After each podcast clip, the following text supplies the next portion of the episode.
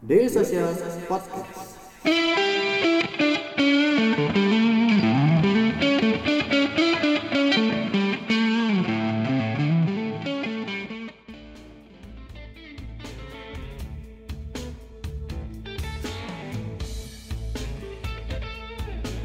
Halo semuanya, uh, teman-teman Daily Social. Jadi uh, thank you banget nih udah hadir hari ini. Terus uh, biasanya kan memang kita kalau Daily Social nih ngadain selasa startup lah ya, itu bisa itu ada di kantor kita yang ada di Kemang. Hari ini uh, karena memang keadaan lagi kayak begini ya, jadinya kita ngadainnya tuh dari uh, webinar nih, dari online lah kurang lebih kayak begitu gitu. Oh ya, sebelum itu kalian dulu nih, uh, nama gue Selo gitu kan uh, dari Daily Social juga dan hari ini kita udah kedatangan nih uh, tamu dari uh, co-founder dan juga chief operating officer-nya Modalku Mas Iwan Kurniawan. Gila ini Mas Iwan Kurniawan nih luar biasa banget nih. Uh, bahasanya nggak cuma satu dia bisa lima dia bahasanya. Ayo Mas Iwan. Halo Marcelo apa kabar? Mas Marcelo uh, sorry. Baik. Gimana Mas Iwan? Udah bosen? Udah bosen belum di rumah? Wah nggak juga sih, kayak di COVID masa Kita- COVID ini makin uh, makin lama makin sibuk juga karena semua orang udah belajar caranya untuk uh, kerja online nih. Iya, ya. Nggak- Tapi memang iya sih ya. Kayaknya makin lama kerja online tuh sebenarnya bukan makin kalau kata orang pertama kali, wah gila kita makin bisa rebahan di rumah ya. Kayaknya setelah jalan kayaknya nggak bisa rebahan ya. Kapan gua rebahan kayak deh kan? Iya, dulunya kalau meetingnya kan sejam bisa ada yang delay sejam setengah. Sekarang Ya. meetingnya setengah setengah jam nih, jadi bisa meeting 15 kali per hari, gila kan? Bener, karena kita nggak perlu kita nggak perlu jalan ke mana-mana ya mobilisasinya nggak ada. gitu. Instan semua nih kayak mie instan. Oh, mungkin dari Mas Lenkur mungkin bisa perkenalin dulu lah kurang lebih modal itu apa, kemudian eh, bergerak bidang apa. Mungkin aku serahin ke Mas Iwan Kurniawan nih sebelum kita ngobrol-ngobrol lebih jauh nih. Silakan Mas Iwan. Oke, terima kasih Mas. Jadi eh, model aku adalah eh, platform atau portal fintech yang fokus untuk bantu support UMKM di Indonesia. Di mana modalku itu mempertemukan eh, apa namanya UMKM yang butuh dana, modal kerja kepada investor atau lender, lender ya eh, online seperti lender retail atau lender eh, institusi eh, yang eh, ingin dapat apa namanya bunga uh, lebih untuk uh, untung lah uh, dengan memberikan pinjaman kepada UMKM. Jadi so far sih kalau modalku dampaknya sudah luar biasa ya dalam empat tahun ya. Jadi Iya. kami sudah menyalurkan sekitar 14 triliun uh, uh, pinjaman atau modal kerja ke UMKM Wow, oke. di Indonesia, Singapura, dan juga di Malaysia. Jadi kantor kami ada tiga di tiga negara. Kami juga apa namanya eh, berizin sebagai platform peer-to-peer atau platform online fintech di tiga tiga negara itu. Jadi eh, lumayan bagus tractionnya. Semoga eh, apa namanya eh, kita bisa tetap grow terus dan bantu lebih banyak lagi UMKM dan lender ke depannya. Tapi sekarang memang UMKM lama-lama banyak sih Mas ya. Banyak berkembang juga sih ya dari mulai apalagi lagi tengah-tengah Covid kayak gini bukannya tiba-tiba mendadak usaha makanan banyak ya. Termasuk kayak itu. Lucunya adalah sekarang eh, namanya name of the game-nya namanya adaptasi ya. Jadi sekarang jual apa pun bisa ya. Jadi eh, Iya. apa namanya saya juga sering ngobrol juga sama nasabah. Jadi ada yang pabrik dulunya eh, jual baju, sekarang jual masker. Eh, kemudian apa, Oke. eh, apa namanya eh, ada yang jual teknologi untuk acara, sekarang jual teknologi Mhm. untuk temperatur COVID. Jadi lumayan interesting sih gue lihat. Saya sekarang sih saya, saya pasti sih UMKM setelah COVID akan jauh lebih pinter sih ke depannya untuk cara menggunakan online saya lihat. Ah, I see, bener sih ya. Cuman kalau dari keadaan eh, sekarang nih, Mas Iwan sebenarnya kan tadi kan aku sempat bilang kalau UMKM tuh kayaknya makin banyak nih dari mulai usaha rumahan kayak gitu gitu atau yang memang lebih banyak ke online gitu. Dampaknya ada gak sih Mas buat eh, modalku gitu loh di situasi pandemi kayak gini ngelihat tadi kan aku bilang banyak tuh Hmm. yang tiba-tiba muncul dadakan gitu kan. Iya sih, saya sih ada pasti dengan situasi seperti ini pasti ada negatif dan positifnya ya. Negatifnya adalah pasti uh, UMKM juga banyak yang lagi struggling ya. Jadi dari kami sebagai platform peer-to-peer yang uh, support si lender dan borrower juga pasti ingin cari solusi dengan cara yang cepat dan cara yang tepat juga untuk mereka. Tapi at the same time ada banyak sekali uh, apa namanya pertumbuhan di sektor kayak e-commerce, uh, hmm. apa namanya kesehatan, ya di mana yeah. uh, modal aku juga apa namanya dengan apa perubahan seperti ini COVID ya kami juga lebih banyak sekarang kegiatan di situ contohnya adalah oh. kami baru announce uh, kerjasama atau partnership dengan BPJS untuk bantu rumah sakit untuk bantu akses untuk dapat bridging financing lah untuk bantu mereka bisa yeah. dapat dana di, dana di depan jadi intinya sih saya lihat tren ini pasti negatif positifnya ada ya yang penting adalah caranya untuk maksimalkan aja sih yang ada gitu. I see. Tapi tadi kan Mas Iwan ada sounding nih uh, partnership bareng sama BPJS gitu kan. Sebenarnya uh, kolaborasi yang modalku kan pasti ada banyak nih, gak cuma sama BPJS. Yeah, Kalau dari catatannya kita sih ada Tokopedia, betul. ada paper.id, itu kan yang kolaborasi sama modalku. Yang nah. lain yang lain apa lagi Mas? Wah, kan ini tiga tuh. Ini bisa sampai jam 10 malam nih kalau kita mau bahas. Waduh, beberapa aja Mas yang paling yang paling yang paling yang paling apa, ya? yang paling asik sih. lah, yang singkat lah. Apa tuh kira-kira? Ya, jadi memang kolaborasi itu penting banget dan penting sekali ya karena uh, apa namanya ada quote yang bagus sih saya suka juga ada tim yang pernah share ke saya juga sih dia bilang gini uh, uh, alone we can uh, do so little tapi together okay. we can do so much jadi memang okay. uh, tanpa ada kolaborasi dengan platform-platform e-commerce yang tadi seperti Tokopedia Bukalapak, Shopee, Lazada, Zilinggo banyak sekali. Ada 10 lebih lah okay. kalau online. Kemudian juga uh, dengan kolaborasi dengan uh, apa namanya korporasi besar seperti uh, perusahaan-perusahaan TBK, bantu supplier mereka, vendor mm -hmm. mereka. Ini nggak uh, mungkin bisa jalan ya. Dan juga sama dengan software company seperti paper.id di mana uh, UMKM yang butuh mungkin support untuk uh, uh, apa namanya bikin invoice untuk nasabah, yeah. kan mereka juga mungkin butuh dana untuk standby line of credit untuk bantu mereka pas musim lagi kurang baik cash flow-nya atau misalnya untuk bantu mereka untuk jembatani apa namanya celah-celah cash flow-nya kan. Jadi intinya sih uh, dengan partnership yang ada di e-commerce, di software, di korporasi, supply chain itu sekarang kami sudah bisa bantu sebesar 40 ribu lebih UMKM di Indonesia.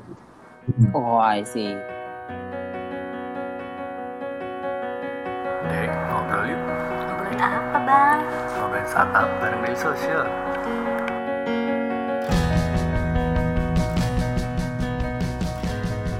Daily Social Podcast. Oke, tapi kalau dari apa namanya 40 ribu itu banyak banget sih. Oke, oke. Okay.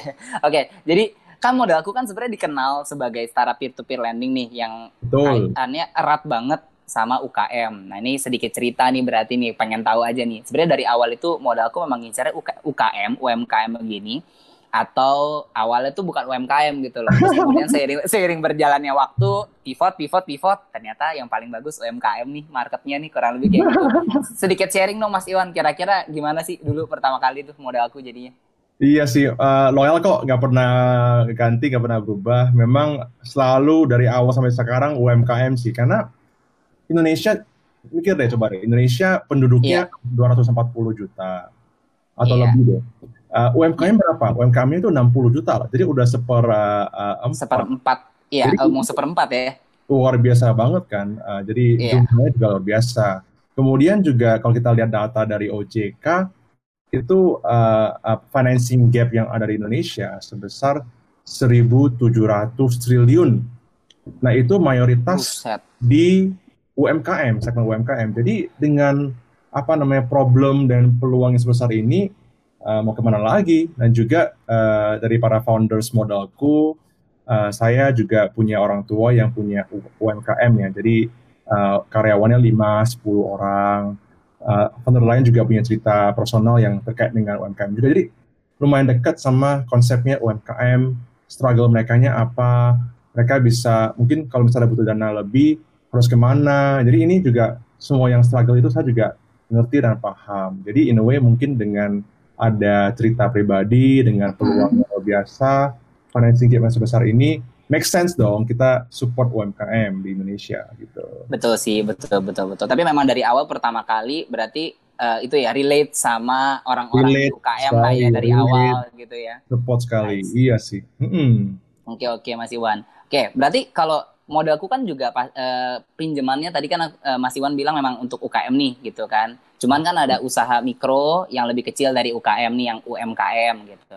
Sebenarnya tantangannya apa sih Mas uh, dan bagaimana pendekatan atau bentuk pendekatan untuk melayani keduanya karena kan beda tuh antara UKM sama UMKM tuh kurang lebih gitu. Ada strategi uh, apa? Ada pendekatan yang berbeda gak di kedua itu? Tantangannya oh, pasti, apa sih? Pasti, pasti kan kalau misalnya UMKM itu ada segmen yang namanya uh, individu ya, juga yeah. ada segmen yang namanya PTCV. Jadi emang ada dua segmen. Hmm. Kalau kita bikin apa namanya matrix ya, matrix uh, dua by dua ya, dua kali dua ya. Jadi okay. ada juga segmen yang cenderung tradisional atau offline, ada okay. juga segmen yang online juga ya. Jadi okay. apa namanya? Mungkin yang paling gampang sebagai fintech company adalah untuk serve atau melayani orang-orang yang online ya kan okay. fintech kan Make kita sense.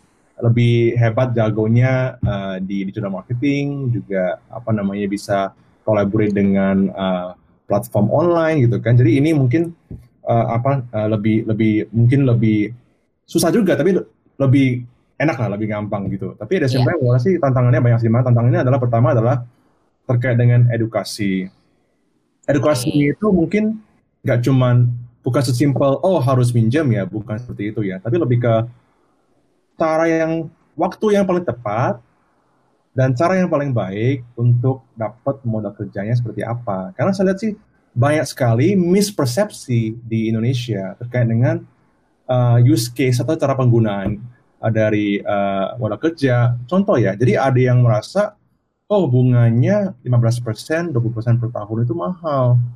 Padahal okay. mereka itu bisa untung dari satu barang itu bisa untung 30 uh, persen. Jadi yeah.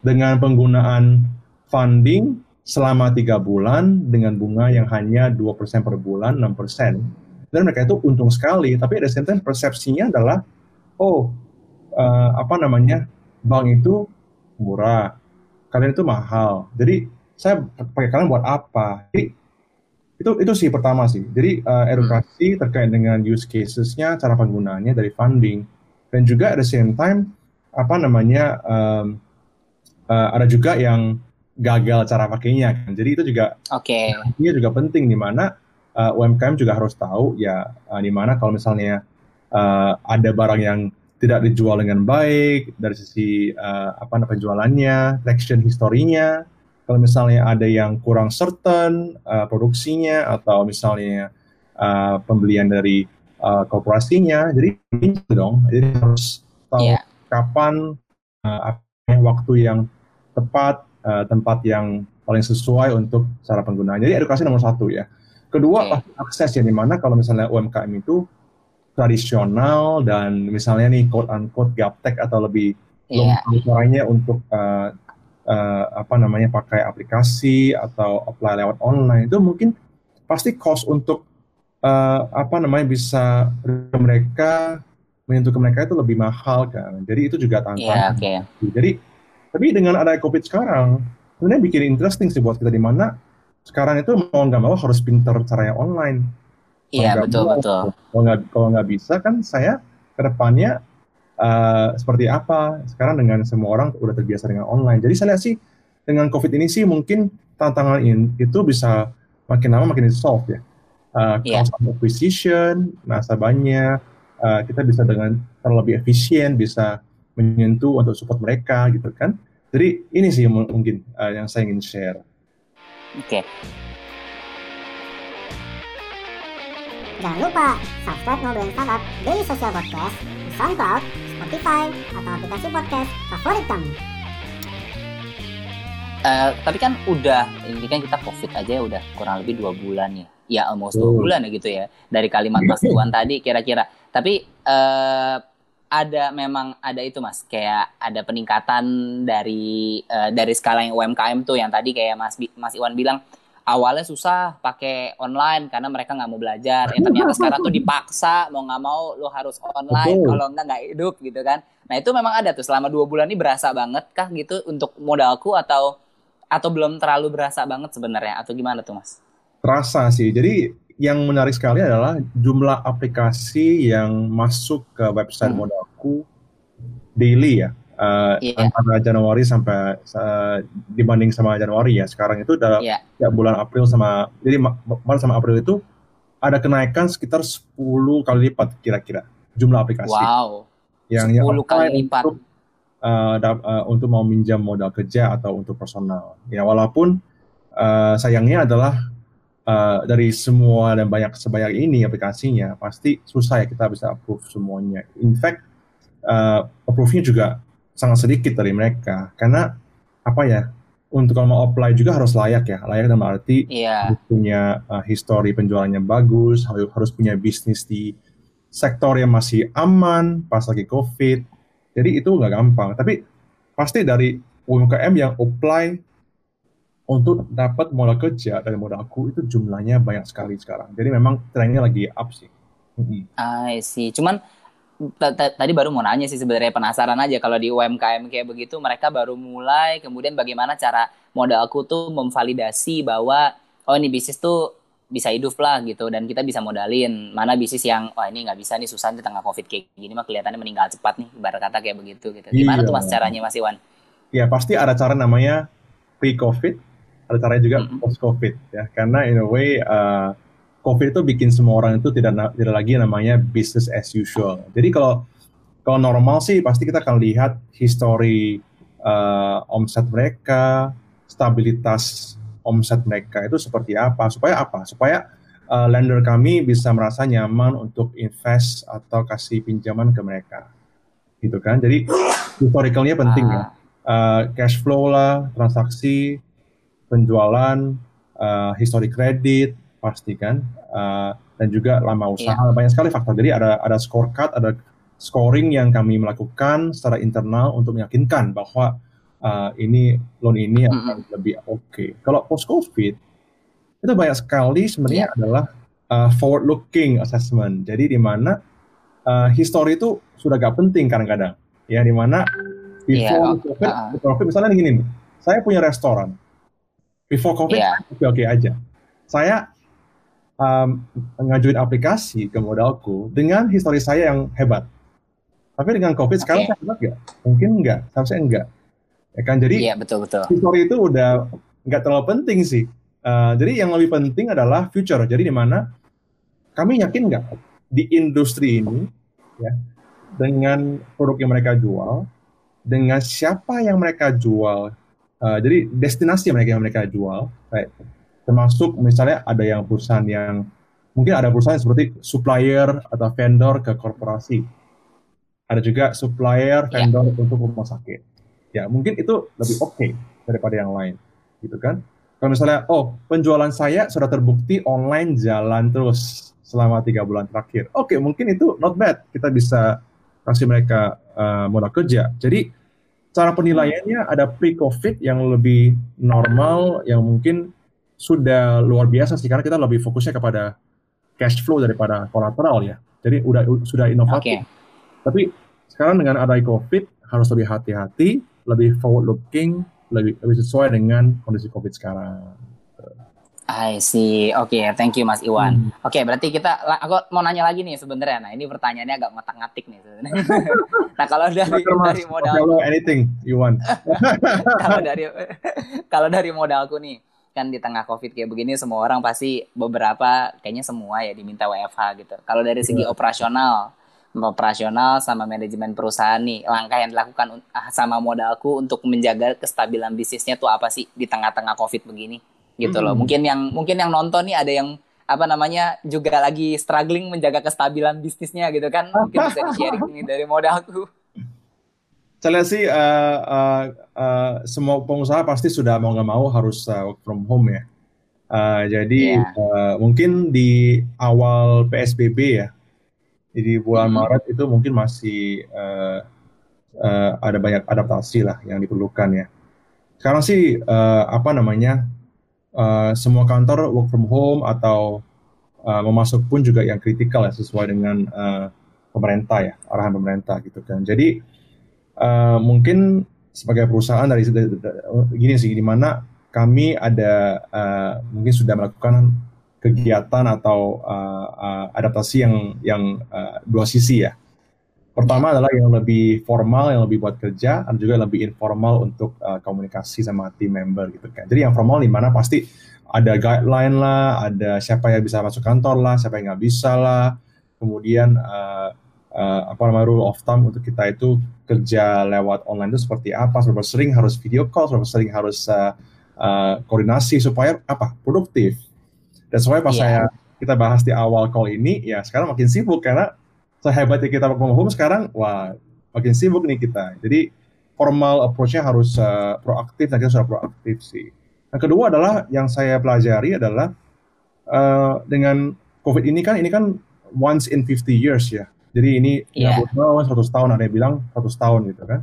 Memang Ada pasti bilang 100 tahun kan. Hmm, jadi pasti dari tim, tim kita itu, tim modalku itu pasti ada yang merasa uh, down atau nggak nggak nggak nggak enak dengan kondisinya seperti ini. Jadi uh, yang secara informal sih kita banyak sekali kegiatan sekarang untuk uh, make sure moralnya tinggi. Contohnya apa? Contohnya adalah sekarang kita hampir tiap minggu ada komunikasi internal uh, bisa multi layer sih. Jadi misalnya nih uh, dengan all team per dua minggu, kemudian juga ada dengan team leader, ada juga dengan bagian head, juga ada yang out region.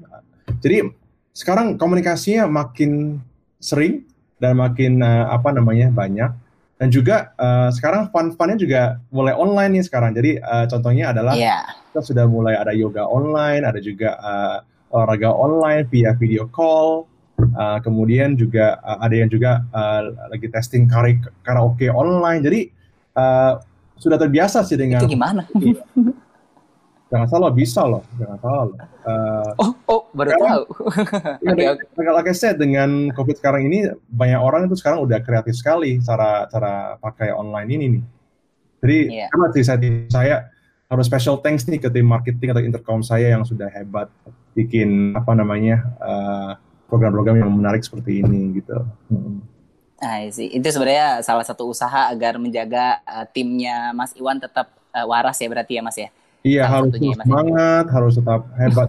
Justru uh, kita juga uh, kan uh, baru ada survei ya ke tim leader modal Iya. ya sekitar 40 orang. Hmm.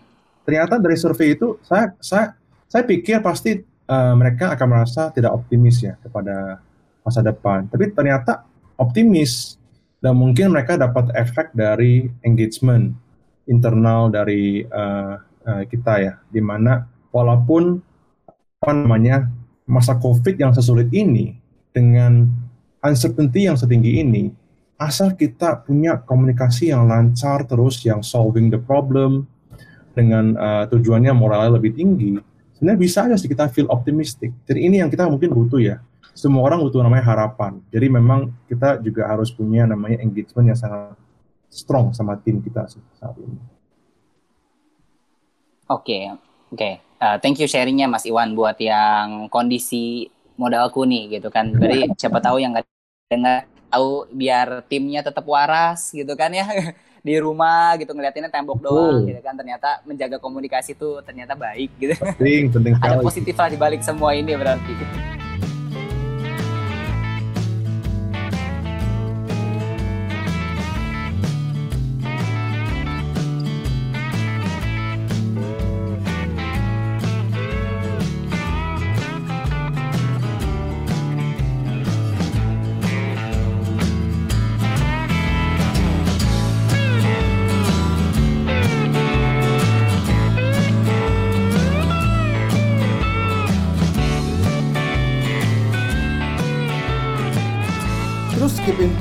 Bersama kita di dailysocial.id untuk website kita. Di Facebook kita ada dailysocial.id, di Twitter kita ada @dailysocial dan di Instagram kita ada @dailysocial.id. Di LinkedIn kita ada Daily Social dan di YouTube kita ada Daily Social.